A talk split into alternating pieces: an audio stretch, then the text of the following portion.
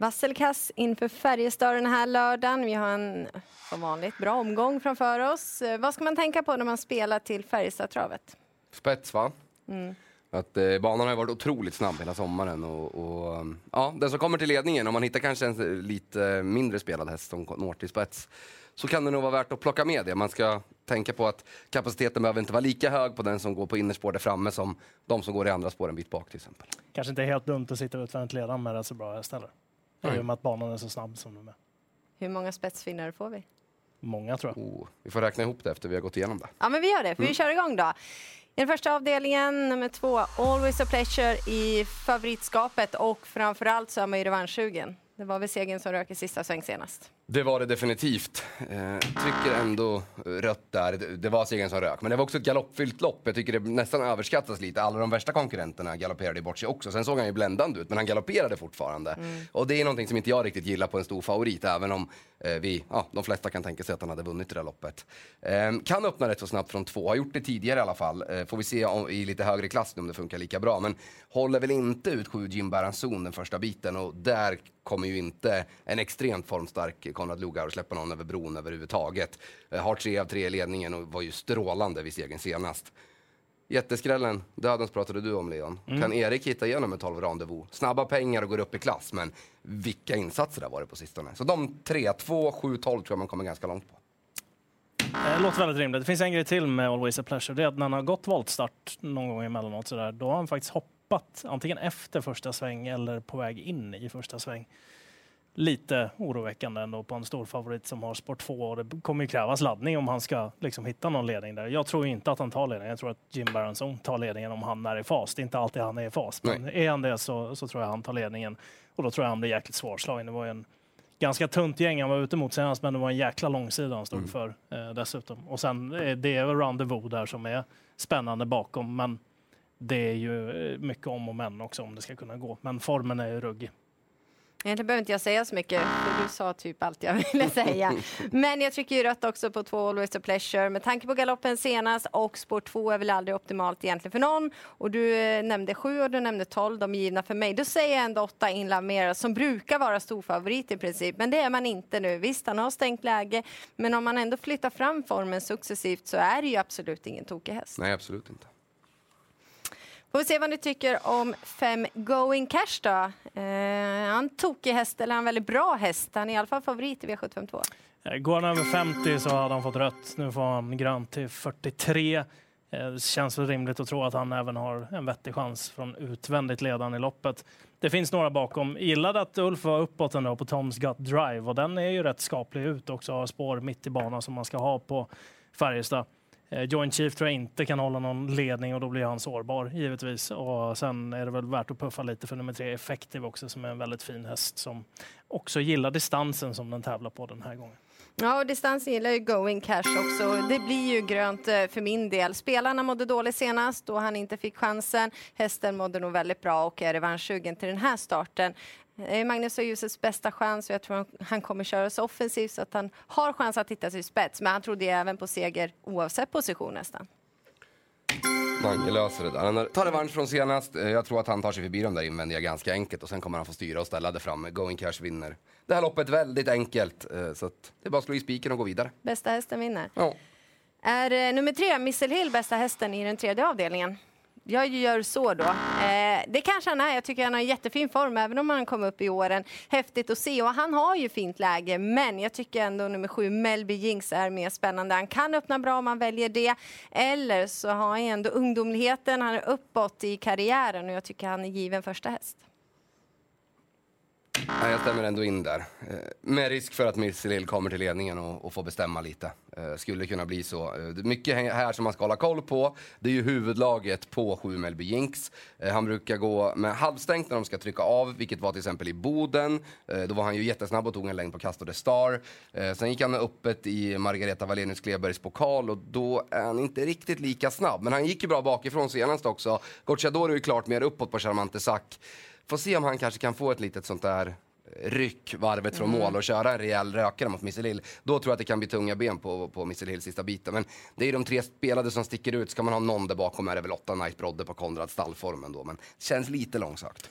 Ja, äh, det är ju de där som spelare som kommer göra upp om det, men det är väl väl värt att puffa för att Melby Jinks, precis som du sa tidigare i V65 direkt här Jennifer, han är på väg uppåt i karriären och det är många av de andra som kanske har stannat av lite grann också. Nu har Missile Hill varit väldigt bra på sistone, men fortfarande att jag tycker nog att om man bortser från Gotlandslöpningen då, så har han varit som bäst när han tävlar bakifrån mm. också. Och nu blir det någonting annat den här gången, så jag tycker inte grönt på honom av den anledningen. Jag tror det kanske till och med att Melby Jinks är en tuffare häst också. Ja, vi var väldigt överens där. Fjärde avdelningen, diamantstoet, det brukar vara öppet. Vi ska bedöma nummer ett, Notisem. Omgångens konstigaste favorit tycker jag. Jag tycker det är hårt att göra Notisem till favorit här. Hästen är bra och kan springa, springa snabbt, men problemet är ju att det var otroligt lätt för att hetsa upp sig. Eh, vad händer om det blir några omstarter här? Stilen är speciell. Stilen är speciell. Nu är det ju lite, vad ska man säga, Magnus är alltså vald före Örjan. Det måste vara första gången någonsin av Redén. Men det var ju för att de två kom så bra överens där näst senast och hästen höll sig lite lugnare. Men det är alldeles för hetsiga tendenser. Kommer få tilläggshästarna över sig tidigt. Så att det här känns som en väldigt svag favorit. Eh, två hästar vill jag lyfta. Dels eh, fyra Global Collection. Jag tycker propositionen till och med är bättre än vad den var senast. Snabb i volten, innerspåret där, Mats hittar ut i andra spår. Och sen kan ju han välja hur han vill lägga upp det. Men det är lite det där med stilen som gör att jag kanske inte vill spika. Men jag tycker definitivt att det är en utgångshäst tre Global Certificate kommer förmodligen få ryggen på ett Notisem som kanske drar på lite där framme och kommer luckan till slut då, ja, då är Global Certificate vass. Gick jättebra under eh, hösten på V75 i fjol också. Vann väl eh, under SM-dagen på Åby, va? Mm, precis. Eh, Nej, den vann inte. Man trodde att den vann. Men ja, den, var, var tvåa. Den var tvåa. Men det såg ut som att den var först i mål. Så ja. eh, Men formen där är riktig hösttest. Och det kan ju vara så att det kanske är något lopp för tidigt här och att det kommer typ när det är skotvång på alla, den hästen kommer kunna vinna på V75 då till skrälodds. Men den är ju värd att prova med nummer tre Global Certificate med tanke på hur det såg ut senast också. Mm. Eh, kördes ju väldigt snällt då och eh, satt fast med väldigt mycket krafter kvar. Eh, värt att lyfta, Marcus Svedbergs hästar har gått riktigt bra senaste tiden. Han vann i onsdags, han vann idag och han har loaded Leila här som inte är jättehårt betrodd heller. Sen eh, tyvärr är det ju några som, det är ju intressanta hästar där som står där bak, men de står ju lite fel inne i loppet, typ som en sån som Heartbeat Julie och sådär. Eh, men hon är extremt bra å andra sidan. Ja, det är hon. Absolut. Och Nelson Bright Eagle är väl en av de som står lite bättre inne. Verkar ju ha tappat lite form, men skulle den kunna studsa tillbaka så är väl inte den helt omöjlig heller i ett sånt här lopp. Nej, det blir öppet. Notisem, jag tycker ni förklarade bra där att är speciell i stilen, kan hetsa upp sig lite. Och de andra är väldigt bra. Jag tycker fyra Global Correction ska vara favorit, men jag vågar inte heller gå rakt ut på någon, utan det är gardering. Nummer två, Made for Metallimo, är min roliga idé i alla fall. Det kan vara så att Global Certificate absolut tar hand om ryggledaren, men Erik Adielsson är väldigt vass från start, det vet vi. Och man får ju sämst i alla fall tredje in, mm. med lucka där. Jag tycker att hon är uppåt i form. Men blir det kört i hårt tempo så kommer de där två vara gynnade. Ja, precis. Femte avdelningen, får se om vi blir klokare här snart så. Nummer två Going Cash i alla fall väldigt, väldigt grön och en bra spik i våra ögon i den andra avdelningen. Annars så vill vi försöka fälla favoriterna. Och favorit i femte avdelningen är sex Imperatur Am, Magnus Engundersen. Grönt. Totalt bortkörd i den senaste starten. Han ska ju bara mangla på liksom. Och att han är så lite spelad nu, det var ju för att han var så mycket spelad senast och folk tappar intresset för honom. Så att att han är den bästa hästen i det här loppet, det tror jag definitivt. Han är ju favorit. Missar du att vi är på Färjestad nu? Ja. Vart kommer, Imperatör Am sitta första femhundringen? Tredje spår Tredje spår. Rakt fram utvändigt ledan. Ja, när en sån som Turella sprang 11,5 med, med spända linor i spets senast. Eh, jag tror inte att det bara är för Magnus Sten Gundersen som jag inte håller som på den övre halvan av, av kuskarna i det här loppet heller tror det kan eh, stöka väldigt mycket för Imperatura, men jag tycker det känns som en svag favorit. Eh, fem Turella, solklar första ett från ledningen. Jag tror att han hittar dit. Sen två stycken skrällar att lyfta. Två Juvaraj, startar vecka vecka med ett kortlopp i benen. Och tre Rob the Bank. Hur bra var inte han förra hösten? Och nu är han ju verkligen tillbaka till det där. Det var ju en fantastiskt fin avslutning mot tuffa hästar senast på Solvalla. Så att två och tre kan få upp utdelningen lite, men Turella första hästen. Bra, då har vi en match i matchen där. också. Ja, jag är tyvärr inte i ditt lag, Leon. Eh, Jag tycker Imperatur Am är en eh, svag favorit. Han är kanske bästa hästen, absolut, men var hamnar han? Jag är rädd för Wingel i alla fall. Fem Turella, ja, med tanke på prestationen senast och hans startsamhet och bra spår bakom bilen, ja men han är ju given. Sen så vill jag också prata om numret Laredo Bocco. Anmäld med amerikansk sulky, får se om det blir det, men han är ju tuff nog att göra jobbet på utsidan Det förvånar också. mig lite. Det stod att han gick i amerikansk sulky det i Boden, men då bytte inte. han ju vagn, sa han, för att det inte funkade ut. Så vi får se om det blir imorgon. Det är värt att följa upp Det kan vara en ny variant, tänker precis. jag, lite större modeller. Så Så Det jag vet ju inte, men anmäld i alla fall. Jag tycker ändå han är intressant och jag tycker det är lite svår avdelning, femte. Tänkte bara säga med Imperatura, han slipper ju faktiskt möta Kentucky River och sen så Francesco Zet och Orlando Borups- Young slipper han möta också. Borups Victory. Ja, men det var ju en total bortkörning senast. Så det är ju inte så mycket på hästen utan det är ju mer på vem som körde. Ja, den här Ja, hästen var- den känner vi igen i alla fall när vi kommer till den sjätte avdelningen. Sju Tangenborg, speciellt utseende och ruggigt bra.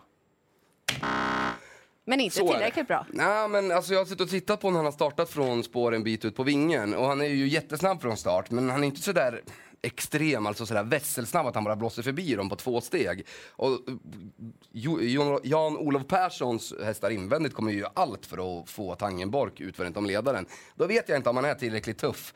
Eh, det blir jättespännande här att följa upp då lite gällande mm, liksom, vad kuskarna eh, inbördes tror. Vi har hört Mats E. Djuse i V65 Direkt, det kan man höra på i V75-mixen, eh, vad han var inne på att det kan vara lite tufft för Tangenborg att ta sig förbi medan Tjomsland tror att han bara skulle blåsa förbi dem. Två Järvsö Odin tror jag spetsar, jag tror att han håller ut BV Sture. Eh, även om två på Färjestad inte är optimalt och, kommer den till ledningen blir den otroligt svårslagen. Eh, fyra Grislodin GL och sex BV Rune är väl de som är spelare till under 10% som är heta. Ja, men det blir rött för mig. Han är väldigt bra, men han är sårbar om han inte kommer till spets och det är inte helt givet från det här läget. Nummer två, Järvsodin, given i mina ögon och nummer fyra, Grisle Odin GL. Där är det uppåt i form. Ja, det behövs väl inte säga så mycket mer. Det lät påställt på Jan-Olof Perssons hästar. Två Järvsö Odin, tre BV Sture, fyra Grislodin GL. Där lät det ju på Öystein Tjomsland också som att han tyckte att det skulle vara kanske lite mer jämspelat än vad det är just nu. Och det var ju en jättesnackis inför det här loppet i fjol, för då mötte han ju Odd Herakles bland annat som var med i det loppet och då var ju snacket att han skulle utmana. Tyvärr galopperade han ju då från start. Men eh, att det här var liksom nästa stjärna från Tjomsland. Nu har det väl varit lite svajiga prestationer, en del av dem, men nu senast var han tillbaka. Så han kanske hittat en eh, ruggig fin eh, höstform helt enkelt. Avdelning 7, nummer två, Lozano Di Quattro får grönt av mig. Nu kan han inte hamna på vingel och gör han det så kan han vinna ändå. Det såg vi senast. Bästa hästen i fältet. Per K Eriksson är inne på att den, hästen kommer vara ännu bättre än senast. Hur bra ska han vara då? Ja, det, det räcker för mig. Eh, definitivt en, en spik på en lite mindre system där man vill ha två spikar.